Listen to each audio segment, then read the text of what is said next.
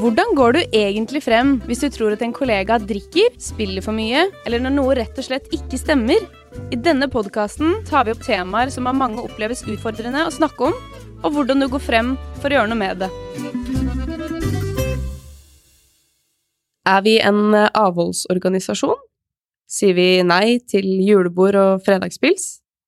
Hjelper vi kun enkeltpersoner som har store alkoholproblemer? Dette er noen av eh, mange myter som finnes om oss i Akan kompetansesenter. I år feirer vi jo faktisk 60 eh, år, så da er det kanskje ikke så rart at det finnes noen eh, ikke helt sanne fortellinger om oss der ute i arbeidslivet. Så i denne episoden så skal vi sammen med mm, professor i markedsføring og myteekspert forsøke å knuse noen av disse mytene. Prøve, i hvert fall. Og kanskje har også din bedrift eh, noen myter om seg som eh, du ønsker å knuse, så da kan det hende du kan ta med deg noen råd herfra. Og denne professoren er Nina Weffelen. Velkommen hit. Takk, takk. Og så har vi også med oss direktør i Akan kompetansesenter, Elisabeth Ege. Hei, hei. Hei, hei. Da kan vi starte rett på hva er en myte, Nina? Jeg vi har forska litt på dette med myter, og da må det første du må gjøre, er å definere så måten vi definerte en myte på, det var å si at det er noe som ikke er vitenskapelig bevist. Så det vil si at det, det kan jo være at det er myter som ikke er feil. Kan, for det, bare fordi det ikke er forska på, så betyr det jo ikke at det, at det, ikke er sant. Men det kan altså, det er, mange myter er ikke-vitenskapelige. Altså det vil si at du tror på ting som vitenskapen har bevist at ikke er sant. Mm. Eh, du vil gjerne ha noen eksempler, skjønte jeg, på hva, ja, hva myter kan være. Det. Ja, Eh, det jeg har sett på, det er jo mattrygghet og mytene rundt det. Så i dette forskningsprosjektet vi hadde, så samlet vi inn myter fra hele Europa. Hva folk tror. Hva, hva tror dere at det er trygt og ikke trygt når det gjelder mat, og hvordan det skal tilberedes? Og da var det mange morsomme ting som dukket opp. I Hellas for eksempel, så var det mange som tenkte at uh, hvis du plukker opp maten fra gulvet og gir et kyss, så er det trygt. Det er mm. ganske søtt, men det er ikke sant. Og, og det kommer fra denne, den femsekundersregelen som vi også tror på her. altså. Hvis du plukker det opp innen fem sekunder, så er det trygt. Det er heller ikke fakta. Eh, det kommer jo an på hva denne lille matbiten treffer. Er den veldig tørr, så kanskje det er greit. Er det en leverposteiskive som havner med leverposteien ned, så ville jeg kanskje ikke spist det. Eller jeg ville ikke spist det. Mm. Selv om det er gått fem sekunder. Mm. Så det er et eksempel, og det er mange, mange andre. Mm. Eh, det at for eksempel at Eh, hvis det er vegetarianer, så er du mindre utsatt for å bli matforgifta. Det er heller ikke sant. Nei. Eh, det er mange grønnsaker, sukkererter f.eks. fra Kenya, som du helst bør varme opp før du spiser. Mm. Men det vet ikke alle. Mm. Og da, da, kan det føre til at du, i vårt tilfelle, da, det vi så på, at da kan du få mer diaré og omgangssyke. Så det har helseeffekter også. Mm. Er du spesielt opptatt av eh, Eller hvor kom interessen for myter fra, eller hvorfor begynte du å forske på det? Jeg har forsket ikke bare på myter, jeg har forsket på veldig mange forskjellige ting. Mm. Eh, men i det, akkurat i dette studiet her så var vi opptatt av å se på hva kan vi gjøre for at folk skal uh, ikke bli mindre syke da, fra mm. mat. Og da var ideen der at vi tror på mange ting som vi ikke burde tro på. Mm. Og hvis du tror på ting, så vil du sannsynligvis også få gjøre ting eh, som du helst ikke burde gjøre. Mm. Så det var på en måte inspirasjon for denne studien. Mm. Uh, så var det å prøve å finne ut hva er det folk tror på. Så da sammenligna vi i Norge, Tyskland og England. Og se, det er litt forskjellige fra land til land nå, hva folk tror på. Det er ikke likt overalt. Nei, det, det vil jeg tro. vi kommer litt eh, tilbake igjen til deg, og, mm. og, mer om myter etter hvert. Eh, men vi har jo da fire myter som vi har valgt oss ut, da, om, om oss, eller om Akan, som vi tenkte å prøve å knuse, da. Og den første er vi er en avholdsorganisasjon. Og Elisabeth, stemmer det? Det stemmer ikke at vi er det, men Nei. det er helt riktig at det er eh, en oppfatning som vi møter. Altså det er mange som tror at vårt budskap er at man skal la være å drikke alkohol. Og vi jobber jo med arbeidslivet så knyttet til jobb. Og det er eksempler som rådgiverne møter. Altså de kan komme, skal holde et kurs og, og få beskjed om at oi, nå blir det slutt på moroa her, skal vi begynne å jobbe med Akan. Blir det slutt på festen. Mm. Eh, selv så opplever jeg jo privat eh, sammenheng. Komme på fest, og folk hører hvor jeg jobber, som jeg, folk jeg ikke kjenner så godt fra før. Og da lurer jeg på ja, men vil du da ha noe alkoholfritt. Mm. Eller ja, men du jobber i Akan, du drikker jo vin. Mm. Det er også typisk som kan få høre.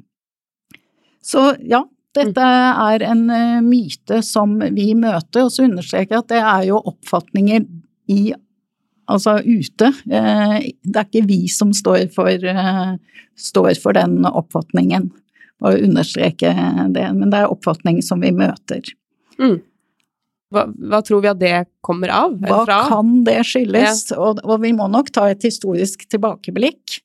Eh, Akan, som du sa, 60 år siden etableringen i, i 1963, og da etableringen av Akan kan knyttes til arbeiderbevegelsens avholdslandslag, som det het i sin tid. Det var kampen mot fylla, en bevegelse som startet på slutten av 40-tallet og fortsatte utover 50-tallet. De hadde mange kontakter, eh, altså eh, mennesker ute i ulike virksomheter som jobbet med opplysning, og jobbet for denne saken. Og historien forteller at mange av disse, etter, hvert- etter at Akan ble etablert, gikk over til å bli det som kalles Akan-kontakter, altså lokale ressurspersoner på de ulike arbeidsplassene som jobbet med, med Akan. Mm. Var eksperter, eller ikke eksperter, men ressurspersoner på det.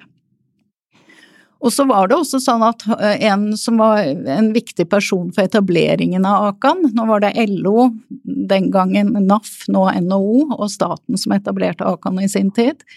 Og en av de personene som var sentrale, var en Tor Rønning. Eh, Han var jo også den første som ble ansatt i Akan. Han hadde også tilknytning til arbeidernes avholdslandslag. Så mye ligger nok der, og så kan man jo lure på, i hvert fall lurer jeg veldig på, men hva, dette her var på 60-tallet. 40-, 50- og 60-tallet, og kanskje litt inn i 70-tallet.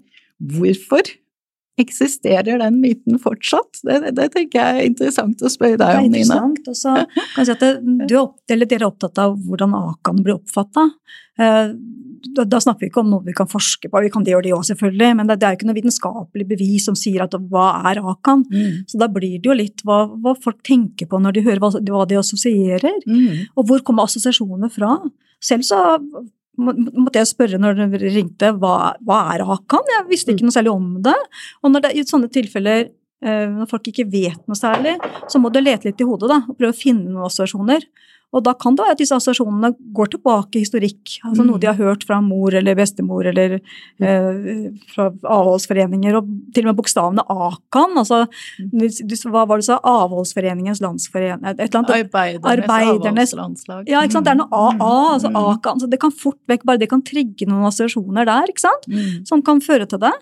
Eh, Og så er spørsmålet hvordan kan man bryte det, da? Hvordan kan man rette opp ting som man ikke ønsker at folk skal tenke når man snakker om sin bedrift? Mm. mm. hva gjør man da? Eh, og det er ikke så Ja, hva gjør man da? Ja. Det er ikke så lett. Vi, vi, altså, vi vet fra store metastudier at det å gi informasjon det har en effekt, men det har ikke en veldig stor effekt. Mm. Mm. Så det å gi fakta det, det er veldig mange som tenker at de bare forteller hva som er riktig, så vil atferd endres, og folk vil endre oppfatning. Mm. Så lett er det ikke. Eh, Vi har sikkert alle vært i diskusjoner med, med venner og kjente om politikk eller eh, religion eller helt andre typer ting, hvor vi presenterer fakta, eh, vi sier hva dette her er, og så oppfatter den andre helt noe annet, for de har et annet ståsted, de har en annen verdensoppfatning, som de har dannet seg for å forstå sin verden over lang tid. Og når du da bare får påfyll med fakta, så kan det godt hende at den andre rett og slett begynner å forsvare sitt ståsted. Mm. Så etter en sånn samtale så kan den andre faktisk være enda sikrere på sin oppfatning enn de var før du starta. Så det er én problem med dette her, da. Mm. Så det er er ikke lett. Mm. Det er, eh, og hva skal vi gjøre? Hva Mm. skal vi gjøre? Ja. Ja, Vi, vi- vi, ja, hva, hva gjør vi? Ja, hva gjør vi, ikke sant? Vi prøver jo med informasjonsarbeid. Altså Ja. det er å være veldig tydelig i Mm. informere om hva vi står for. Og Mm. vi har jo en myteknusekampanje Ja. eh, gående i sosiale medier. Eh, kort, enkel, humoristisk, som eh, Julie har, eh, Mm. er bakkvinnen. Mm. Det er spennende, men det, det, ja. det forskningen sier der, da, at du f.eks. aldri må si hva du ikke skal gjøre, eller hva det ikke er. Mm. For hvis du sier det, så vil folk over tid glemme dette ikke, eller kunne glemme dette ikke. Mm. Så da forsterker du bare myten.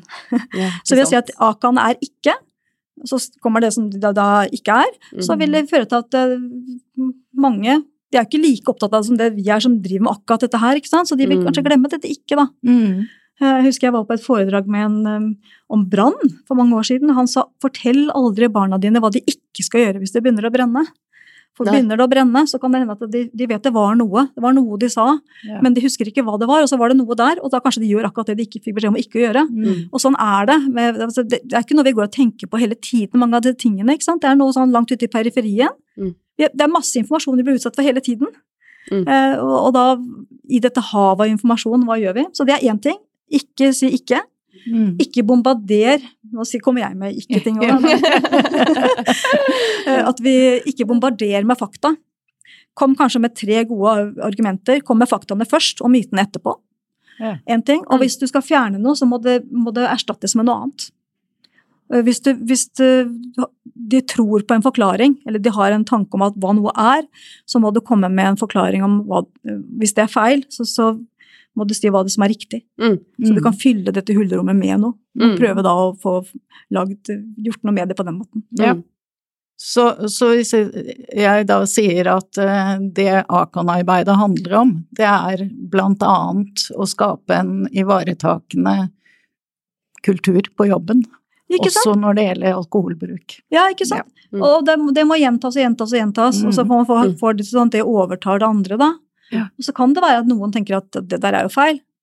Så det tror ikke jeg. Mm, Og ja. selv om du sier det, så kan det hende at de har fortsatt en annen tanke. Mm. Ja. Men, men hvis de er motivert, og det, de fleste har jo ikke noe ønske om å ha feiloppfatning av hva Akan er, vil jeg tro. Det er bare at de har ikke noe bevisst forhold til det. Mm. Um, Så det ved ved at du informerer om hva det er, så vil det sannsynligvis påvirke deres oppfatning av det. Mm. Og hvorfor er det viktig for oss å litt, knuse litt ned det her, da? Jeg tenker det viktigste årsaken er at den myten står i veien for det budskapet vi faktisk har. Mm. Vi er et tilbud til hele norsk arbeidsliv og skal bistå hele norsk arbeidsliv, og, og, og da er det viktig at det kommer fram at man kjenner til at vi bistår virksomheter uavhengig om de serverer alkohol eller ikke på sin, sine jobbfester. Mm. Om de drikker eller ikke, det, er- det, er, det er ikke det det handler om. Mm. Det det handler om er jo en bevissthet knyttet til alkoholbruk, Mm. og etablere en ivaretakende bedriftskultur. Mm. Mm. Rett og slett. Mm. Bevissthet rundt, Ja. ikke å avskaffe. Mm. Og så er det kanskje litt sånn, ja, og så er det kanskje også når man begynner å snakke om, vet ikke, måtehold og liksom bevissthet, Mm. at for noen så betyr det fjerne. Fjerne alkoholen, eller, eh, eller man blir kanskje litt sånn redd i gåsetenn for Ja. det. er kanskje i hvert fall litt mitt inntrykk av og til, da. Mm. Og da, det er et typisk råd vi har knyttet til jobbfester, er jo sørg for å ha like gode og like lett tilgjengelige alkoholfrie alternativer som alkoholen. Altså vi er jo på begge to, vi anerkjenner at alkohol hører hjemme i mange jobbfester. Altså det får oss til å slappe av, vi senker skuldrene, skravla går litt lettere. Altså det, det, er, det er noen positive sider med det, men det er noe med å, å holde det på det positive, da. For vi vet også at det er så utrolig mange eh, For det første vet vi at det er 300 000 som uteblir fra jobbfester fordi de syns det drikkes for mye. Omtrent like mange føler sier at de føler seg ekskludert fordi de syns det drikkes for mye.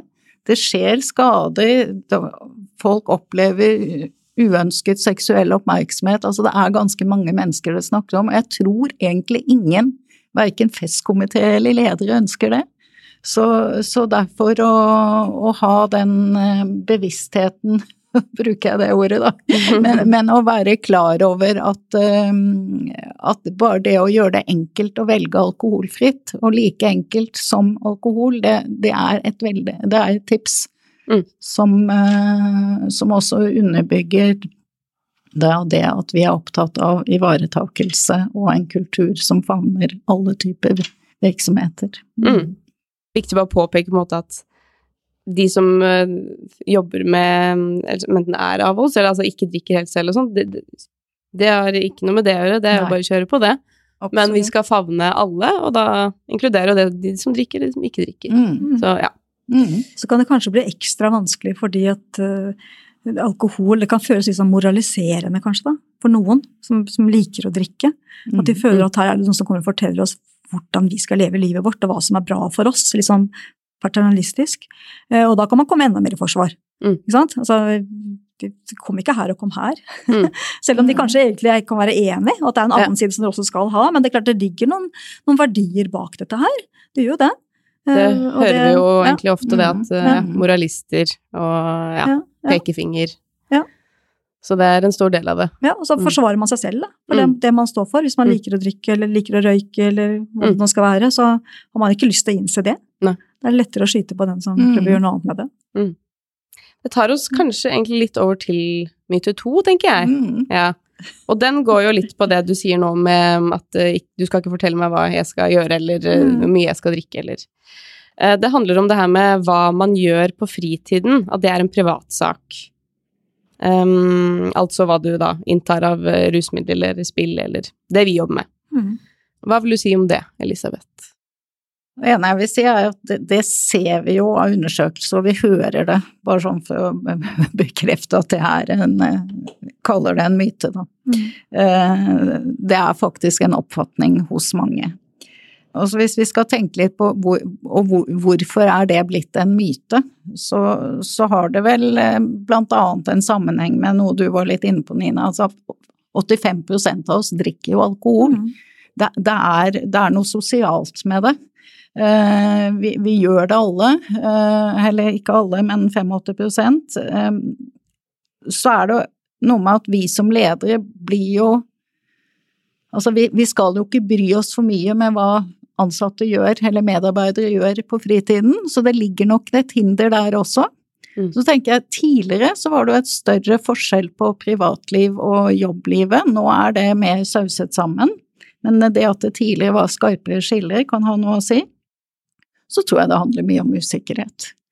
Altså at mange ledere er, eh, er usikre på hva vil skje hvis jeg åpner denne døren eller tar denne samtalen. Hva vil det kreve av meg, hva vil det kreve av virksomheten, hva får jeg høre? Eh, Det er lettere å se, kall det ulempene, enn fordelene ved å Mm. Å tørre å ta tak i det, tak i, kall det en bekymring, som det Mm. ofte er. Mm. Mm. Eh, Så det er jo det er jo det at Altså, det er jo for så vidt en privatsak, mm, helt til det går utover jobb. jobb, Mm, da, på ja. en eller annen Ja. måte, og det er jo ulike måter det kan være. Og, og, og hvis vi da skal fylle på med og hva, hva er sannhet, så er det jo nettopp det at som leder så har man et ansvar for helse, miljø og sikkerhet. Eh, har et, og i det er også arbeidsmiljøet. Og det å, å da ikke ta tak i en bekymring knyttet til alkoholbruk, som man tror da på fritiden, hvis det kommer til syne på jobb, det, det ligger ikke innenfor det ansvaret man har. Man skal ta tak i det hvis det kommer til syne. Og det trenger ikke bare være alkohol. Det trenger ikke å være alkohol, det kan være ting som går utover Altså ser man noen konkrete hendelser eller endring i atferd, endring som er uforståelig i hvordan i jobbprestasjon, da, Mm. eller i fravær, som er eh, som man lurer på, så er det leders plikt å ta en prat med den det gjelder. Mm. Og det trenger ikke å være alkohol, som du sier. Det er, vi hører jo fra ledere at, eh, som ringer oss og forteller at de har hatt en samtale. De var sikre på at dette var en som hadde alkoholproblemer, og så viser det f.eks. at det kan være en pårørende til en med alkoholproblemer. Så ja. Du har vært litt eh, inne på det, Nina, men er det mulig å knuse en myte? Eh, Det er mulig, eh, det kommer an på. Det kommer an på hvor motivert denne personen er. Noen ganger så er det bare at de ikke er informert. Og ved å få annen informasjon, så endrer de oppfatning kjapt. For disse oppfatningene våre endrer seg hele tiden. Det er ikke statiske. Det er, hele tiden endrer det seg ettersom vi opplever nye ting, vi får ny erfaring, hører ny informasjon. Eh, Men det er noen som er mer fastlåste enn andre, som er vanskeligere å gjøre noe med. For meg som driver med mattrygghet, da, så har jeg en del yngre studenter som er veileder, og hvis jeg da sier til dem at eh, er du klar over at den smoothien som du drikker om morgenen, eh, den bør ikke lages av, av frosne bær. De, de, bærene bør være varmet opp uh, før de drikker denne smoothiesen. Så blir det 'hæ, er det sant?' Fordi de var ikke klar over det. At det, det å ta noe rett fra fryseren og lage en smoothie og drikke det rått, at det kunne ha en fare, være en fare involvert i det. Og da, kan det, det, det er ikke dette, de, de har trodd at det var greit. Mm. Kanskje ikke tenkt over det. Og den informasjonen da kan få dem til å endre atferd. Mm. Kanskje. det er ikke sikkert, for det er fortsatt veldig praktisk og lett å gjøre det, og det er godt, og det har helseeffekter. ikke sant? Så det er dette på den ene siden og på den andre siden. Mm. Eh, så, så, ja, informasjon kan påvirke. Har du veldig si, klare oppfatninger av sånn er det, eh, så er det vanskeligere. Og sånn som det, I det tilfellet her, da, eh, så sier dere at det er for, for å endre folks bevissthet rundt alkoholbruk. Eh, men du nevner også at alkohol kan ha en negativ effekt, og det er, det er jo fakta for så vidt. Mm. På helse, på, på ja, om, arbeidsmiljø, arbeidsmiljø, omdømme, sikkerhet, Alt dette her. Mm. Så, så, det er jo et ønske om å få dette her under kontroll eller gjøre noe med det. Altså det, det, det ligger jo noe der. Så det å si at det bare er å snakke om, det er jo ikke sant. Så, så det, hvis folk tenker at det, det, det, er jo en spire til noe sannhet under det, selv om de kanskje blåser det opp og ut av proporsjoner. at de tenker at ikke, Vi skal ikke ta bort alkoholen fullstendig, men det er jo en bevisstgjøring som man ønsker for å, å få dette, et problem under kontroll, vil jeg tro. Mm. Eh, så det er, det er et spire av noe som folk kan blåse ut av proporsjoner, da, kanskje. Mm. Og siden vi også da, i en drømmeverden i hvert fall, så skal mm. jo vi nå ut til hele arbeidslivet. Mm det er jo en ganske stor mm. gruppe å klare å ja, si, overbevise da, de som i hvert fall har noen av de her tankene om oss, kanskje. Ja, og så er det på én side så har alkohol negative effekter, som vi alle, mange av oss er klar over. Mm. Og så har det positive effekter ved at man slapper av, at det er sosialt og det er hyggelig, det er noe man vil. Og da er det, hva legger man størst vekt på? Hva, mm. hva, er, hva, er, den langsiktige effekten, og effekten på andre, og, og effekten for meg akkurat her og nå? Mm. Så det er mange ting som spiller inn tror jeg nok det handler mye Du nevner ja. kunnskap, hva du vet ja. og ikke vet. For ja. det, jeg tror dette handler mye om mangel på kunnskap mm. om mm. de negative effektene i et arbeidsmiljø. Ja. Eh, jeg var jo inne på det i stad, altså det, det, er det jo forsket en del på. Vi vet ganske mye om det, men så er det å få den kunnskapen ut. Ja. Mm. mm. Sånn, hvis jeg skal sammenligne med, med mattrygghet igjen, da, så jeg har jobbet mye med mikrobiologer, og de er veldig opptatt av håndhygiene. For de vet at det er en stor kilde til matforgiftning, at vi ikke har rene nok hender. Mm. Men det vet folk. Folk vet at de skal vaske hendene sine. Så det å gjenta den informasjonen igjen og igjen og igjen, det vil ikke føre til at vi blir mindre syke. For da, da man, ok, vi, vi, vet det, men vi, vi, vasker ikke 30 sekunder med såpe og varmt vann altså hver gang vi vasker hendene likevel. Ikke så det er en utfordring. Mm. Uh, og det kan være her at det er mangel på informasjon. Det kan være. Og hvis det er greia, så er jobben enklere. Hvis de vet, men at de ikke, hvis de vil ignorere fordi mm. de heller vil det er mer behagelig å ha dette glasset med vin, eller det er hyggeligere, og nå skal vi kose oss dere, nå skal vi ikke tenke på alle de negative konsekvensene, så er det vanskeligere å gjøre noe med det. Eh, for da kan ja, det, man rett og slett det er dilemma som man legger litt med ene og ikke den andre. Mm. Ja. Og det, det, skrev du jo litt, jeg tror du sa det i stad også, men leste i den artikkelen du har skrevet om myteknusing, ja. det med de, de, som da allerede har bestemt seg, da, for mm. det er min måte å si det på, mm.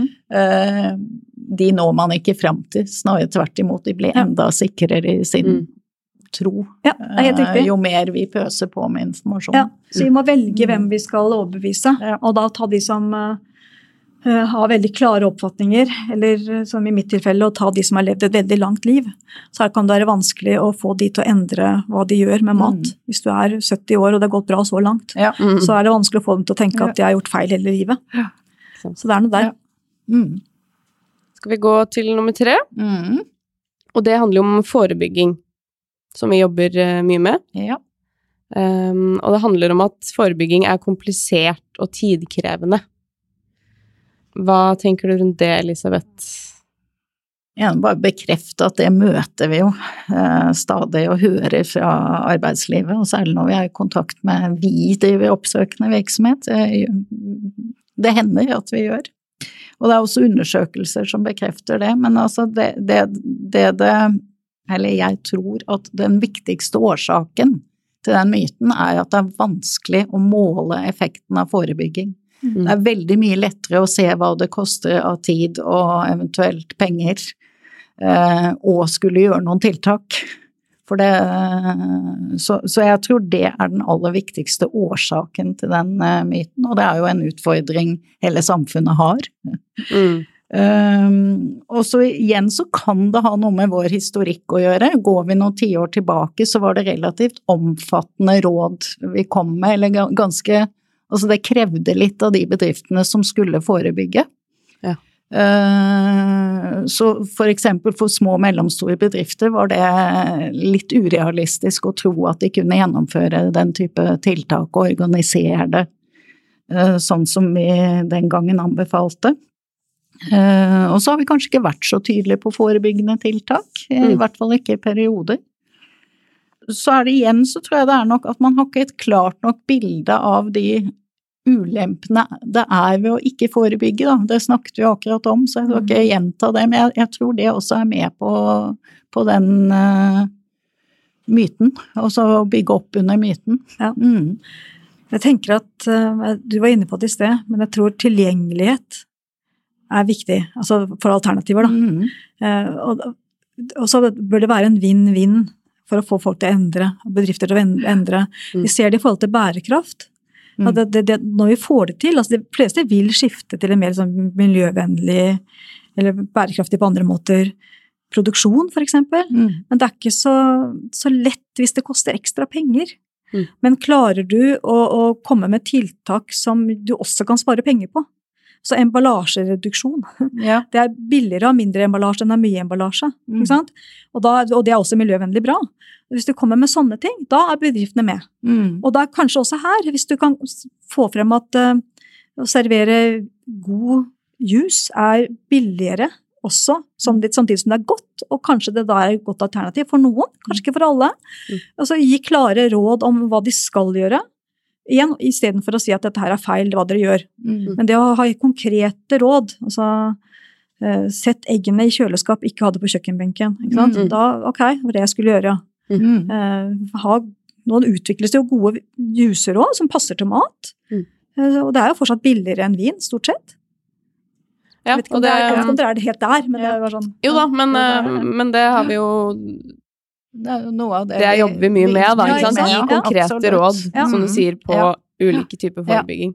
Så hvis jeg da spør hva, hva er sannheten, eller liksom, hva, hva... Nei, eh, Sannheten er jo at uh, vi, vi, har utviklet oss, og våre råd utviklet i tråd med samfunnets utvikling og arbeidslivets utvikling, så vi har jo nå flere konkrete korte, enkle råd. Mm. Vi har utviklet en del verktøy som er lett tilgjengelige på hjemmesiden vår, som er, gjør arbeidet med forebygging mm. veldig mye enklere. Mm. Og veldig som vi har policy på 1, 2, 3, vi har Akan på 1, 2, 3, samtalen på 1, 2, 3, så vi, helt konkrete råd. Ja. Mm. Uh, så, så, virkeligheten nå er at uh, det trenger For å si, sånn, si, det på en annen måte, det koster mer tid og penger å la være å forebygge. Mm. Fordi på et eller annet tidspunkt skjer det noe, og det er, koster veldig mye mer hvis mm. noen får et problematisk bruk, eller får et alkoholproblemer, for å bruke det uttrykket, eller problematisk bruk med spill. Mm. Mm. Så, eller av spill. Mm. Så Og så jeg, jeg, har tenkt litt sånn på å Ta en sammenligning, da.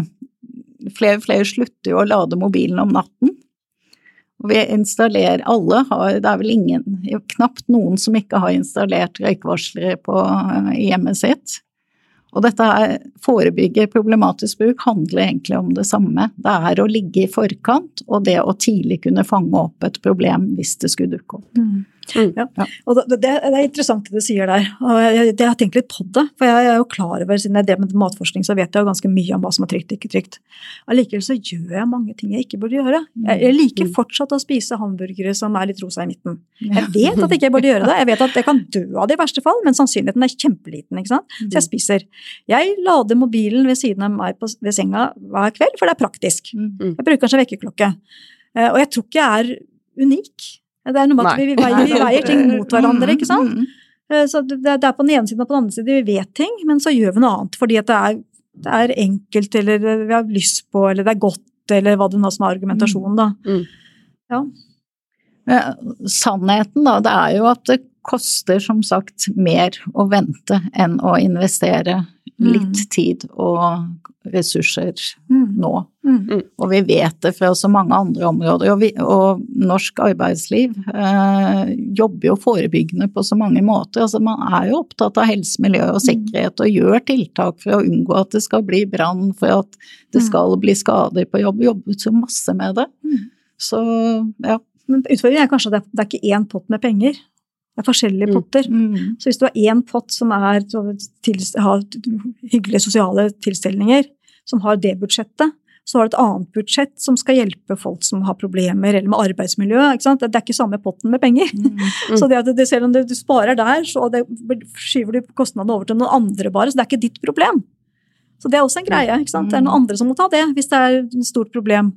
Også kanskje det er et samfunnsproblem, da. Mm. Så er ikke det bedriftens problem. Så det, det, er mange nivåer og mange Mm. ting som gjør dette her utfordrende. Ingen tvil. Mm. Det bringer oss jo litt over på På nummer neste- fire, Ja, nemlig. siste myte for i dag.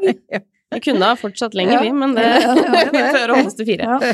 Det er um, at uh, Akan-arbeid handler om å Altså kun handler om å hjelpe ansatte med alkoholproblemer. Mm. Altså sånn individ... uh, Ja, individhjelp, da. Mm, mm. Um, stemmer det? Ja. ja, dette var en myte jeg møtte allerede uh, før jeg begynte i Akan. Når jeg fortalte til forretningsforbindelser den gangen og kolleger at jeg skulle begynne i Akan kompetansesenter, så fikk jeg høre at å, da håper jeg aldri jeg får noe mer med deg å gjøre i jobbsammenheng. Mm. Underforstått, dette handler kun om hjelp til folk med problematisk bruk. Og så Hvorfor er det Mm. Hvorfor tror hvor det folk fra? Hvor kommer det fra? Mm. Jeg tenker jo at det igjen har en sammenheng med de første årene av Akan kompetansesenters historie. Ja, hvordan vi jobba selv om vi fra etableringen var tydelig fra eierne at det skulle jobbe med forebygging og hjelpe ansatte i jobb med problemer, så ble det prioritert, og det var det sikkert gode grunner for, og at det var hjelp til de med problemer. Mm. Og det uh, var vel hoveddelen av det arbeidet som Akan gjorde frem til begynnelsen av 90-tallet. Men så ble det, var det en evaluering av kompetansesenteret, og så ble det besluttet at nå skal vi prioritere opp arbeid med forebygging. Og det har vi jo da gjort Mm. siden begynnelsen av 90-tallet. Mm. Men det henger altså i så litt øh, sikkert samme årsak som du var inne på i stad. Det det er en fin fin Ja. nyanse for, for folk da, som ikke vet så mye, om det er forebyggende eller om det er i etterkant. Mm. Etterhjelp. Mm. Det er en liten nyanse. ikke sant? De, de, tenker, de har jo assosiasjoner som har noe med alkohol å gjøre. Eh, og så tenker de at hva er det som har med alkohol å gjøre? Jo, det er jo alkohol det er et problem. Noen har problemer. Mm. Eh, så, så jeg tenker jo fortsatt etter å høre på dere at dere jobber med alkoholproblematikk. Mm. Eh, Om det er forebyggende eller om det er i Mm. etterkant, så er det jo der dere er. Mm. Så det er, er så veldig viktig, da? Eh, Kanskje det er viktig for dere, men, men Det er jo viktig fordi vi, vi tenker jo at det kan hindre at Ja. en del bedrifter uh, jobber forebyggende. Fordi de, de vet jo ikke nok om det. De vet Mm. ikke at de kan kontakte Nei. oss, blant annet.